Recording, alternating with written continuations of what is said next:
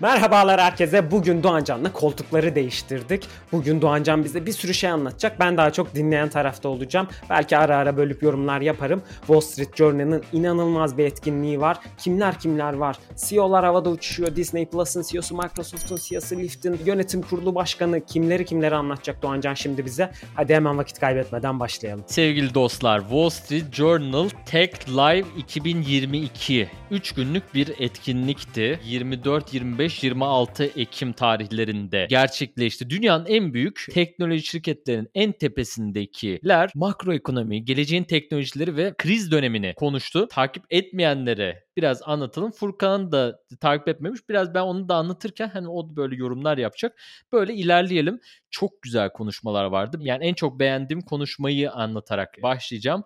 Sequoia Capital yani dünyanın en büyük risk sermayesi şirketlerinden bir tanesi değil mi? Risk ortakları sermayesinden bir tanesi. Muhtemelen en büyüğü. İşte Instagram'a yatırım yaptılar. İşte daha birçok Uber'e yatırım yaptılar. Çok erken dönemde. Şimdi bunun başındaki yani şu an managing partner, yönetici ortağı Rolif Bota o bir konuşma yaptı. Rolif nedir? Aslında 2000 yılında PayPal'a CFO olarak geliyor. Elon Musk onu getiriyor CFO olarak gel buraya diyor. Kendisi yalnız bir Güney Afrikalı. Biliyorsunuz Elon Musk da Güney Afrikalı. Orada bir nepotizm var. Biz bunları görürüz. Yani hiç kimse de e, bunu gizlemeye çalışmasın Furkan. Elon Musk demişken ona sordular mesela Twitter'ı alacağım dediğinde ne dedin diye. Çünkü onlar da bir yatırım yaptılar. Twitter'ı alma yatırımında Sequoia da var bu işin içerisinde. Onlar da yatırım yapıyorlar. Belki küçük bir kısmı ama yine de yatırım yapıyorlar. Çok iyi fikir diye söyledi. Tabii ki due diligence'ımızı yani yatırım yapılmadan önceki işte detaylı finansal şirket analizimizi, değerlendirmemizi yaptık. Ama çok büyük bir büyüme potansiyeli olduğuna ben inanıyorum dedi. Belki gelir modellerinde yani gelir modelleri ve iş modelinde bir yeniliğe gideceğinden bahsetti. Biliyorsunuz e, sosyal medyalar şu an tamamen reklam modelleri üzerine gelir modellerini kurgulamış durumda. Belki de reklam modeli buradaki ana kurguda olmayacak diye söyledi. Belki üyelikler olacak diye söyledi. Muhtemelen Web 3 kısmı da buraya gelecektir. E, heyecanlı olduğunu söyledi ama ben tabii karışmıyorum diye söyledim. Elon Musk kendi ne yapıyorsa yapar. Kendisi ne bilirse iyi bilir diye söyledi. İyi arkadaşımdır diye söyledi. Çok güzel anlatıyorsun Doğancan ama biraz da kripto tarafıyla ilgileniyorum bu işin. O kadar insan bir araya gelmiş. CEO'lar, CFO'lar, insanlar geleceğin iş hayatına belki de ekonomisine yön verecek isimlerden bahsediyorsun. Hiç mi kripto konuşulmadı bu etkinlikte? Sana bir şey diyeyim mi? Bak şu an kriptolardaki artışın nedeni, bak birincil nedeni bu etkinlik. Sana bak gerçek söylüyorum o bu derece. etkinlik. Herkes kripto konuşuyor babacığım. Herkes kripto konuşuluyor. Böyle konuşmaların arasında işte şurada NFT'lerimiz var. Şuraya NFT'lerimize gidin bakın diye. Herkes kripto konuşuyor. Herkes kriptoya aşırı bullish. Bir tek bir çocuk var. O da belki oldlar hatırlar. OC diye bir dizi vardı. Orange Country. Orada Ryan vardı. Ana oğlan. Marisa'nın sevgilisi ana oğlan çok izledim ben. O Ryan oğlan çok da severdik çocuğu. Bak kitap yazıyormuş ya. Adam kriptoları sövmek için kitap yazmış. Adam bak işsizliğe bak Oo. ya. Çok Easy boş money'miş. Bir tek o adam sövüyor. Gerisi hepsi kriptoya nasıl buluş biliyor musun? Rolif de aynen öyle. Ryan'a cevap veren çıkmadı mı peki? Bir şeyler söylüyorlar. Ya Ryan'a e, adam kitap yazmış. Ne desinler adama? Yani kitap yazan herkes de şey diyorlar. ben kitap yazdım. ya kitap yazıyor işte. Adam iş yokmuş. Kim takar Ryan'ı? Dövdüler zaten o çocuğu da dizide. Ne dövdüler? Etkinliğe geri dönelim hadi. Tamam hadi dönelim. Şey Şeye sordular. Sequoia ile çok ciddi kripto yatırımları yapıyorsunuz. İşte bullish diye. Hala öyle mi? Bu kadar bak düşüş oldu.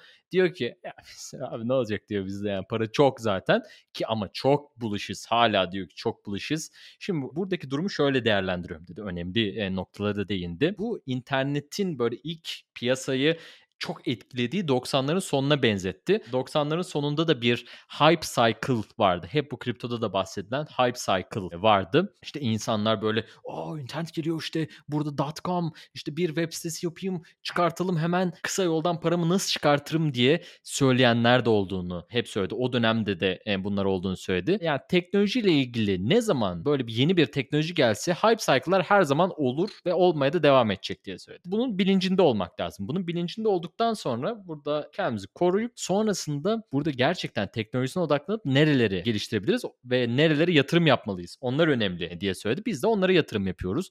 Çok fazla kullanım alanı olduğundan bahsetti. Ki çok daha fazlası da çıkacağından bahsetti ve şöyle söyledi. Web 3 teknolojisi bana mantıklı geliyor dedi reis. Çok güzel konuşmuş. Gerçekten burada döngüler var ve 99'da da internet balonu olduğunda ve patladığında kimse internet çok kötüydü. O yüzden internet şimdi bitti artık yok olacak falan dedi insanlar. Ama internet ne yaptı? Küllerinden doğdu ve çok güzel bir şekilde geleceğine baktı. Bu hype cycle tabii ki olacak. Bu varlığın kendisini kötü yapmaz. Sadece olağanın ve hak ettiğinin üzerinde fiyatlandığını gösterir geçi bir süreyle. Ama dengeye geldiğinde yine gelişim devam eder. Kriptoda da muhtemelen aynı şey olacaktır. İnsanlar da böyle düşünüyordur herhalde. Herkesin kullanacağı bir kullanım alanı gelmesi aslında gerekiyor. Böyle bir görüşte hani bizde bizden de bir şey çıksın.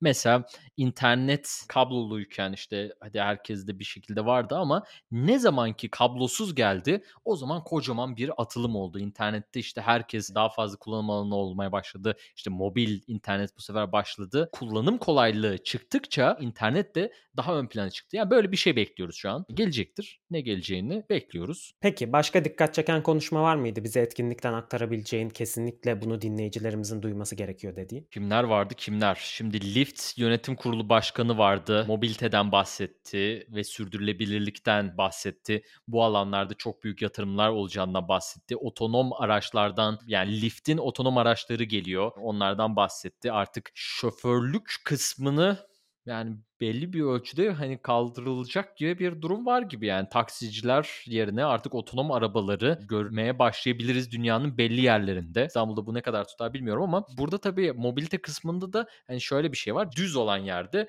hani daha farklı bir yapı kullanabilirken işte İstanbul gibi çok böyle yokuşlu her yeri karambol olan yerlerde işte daha belki mikro mobilite ön plana çıkabilir. Bunlar bahsedildi. Sonra Boston Dynamics bir şov. Robert Plater geldi şovunu yaptı CEO'su. Hiç Robotları, fırsatı. Hiç kaçırır mı abi adam? Robotunu çıkarttı köpek robotunu dans ediyor. Köpek robotlar işte insanların en iyi dostudur diye anlattı. Savaşta kullanılana kadar muhtemelen öyle. O da var. Savaşla ilgili de konuşan oldu. Oculus'un kurucusu. Palmer Luckey. O çocuk da 18 yaşında Oculus o gözlükleri kuruyor. Ondan sonra Facebook'a satıyor. Facebook'tan sonra kovmuşlar bu çocuğu. Trump'a oy verdi diye. Şimdi de silah sanayisi yapıyormuş. Bir de şeyle söylüyor. Biz Amerika'yı böyle silahta koruyacağız diye. Allah Allah dedik. Allah silah falan da bunlar silahçılar. Para silahta ya. Herkes şey oraya oraya Herkes yöneliyor. Herkes ekmeğinin derdinde. Ukrayna'ya gitmiş Zelenski ile fotoğraf çektirmiş. Herkes ekmeğinin peşinde. Valla makro iktisadi olarak da hani son olarak bir toparlayacak olursak da Çin krizini çözmemiz gerektiğinden bahsediliyor.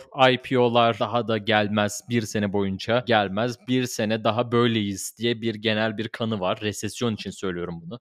Resesyon için bir yıl daha böyleyiz diye bir genel kanı var. Beğenirsiniz beğenmezsiniz bunlar işte iş dünyasının en tepesindeki insanlar. Daha tepesi yok. Yani ben şunu anladım. Gelecek gerçekten kriptoda ama şu andaki ekonomik koşullar özellikle savaştan olsun veya diğer koşullardan olsun çok iyi bir durumda değil. Resesyon belki bir yıla kadar daha devam edebilir ama tüm bu engeller aşıldığında önümüz parlak geleceğe umutla bakmaya devam edebiliriz. Başka bir eklemek istediğin varsa lütfen bitirmeden onu da ekle ve kapatalım. Valla böyle etkinlikleri biz merkeziyetsiz gelecekte izleyip takip edip aktarmaya sizlere devam edeceğiz. Sizin de böyle gözünüze çarpan şuraya da gitsenize dediğiniz bir etkinlik varsa lütfen söyleyin. Onu da takip ederiz. Bir makro iktisat programı daha dinlediniz merkeziyetsiz gelecekte. Efendim haftaya başka bir çılgın programda görüşmek üzere. Bu program Furkan kapatıyor. Evet etkinlik biletleri 5500 dolar olduğu için gidip Amerika'da sizin için yerinde görüntüleyemedik. Ama online olarak eriştik. Bütün programları Doğancan bizim için takip etti.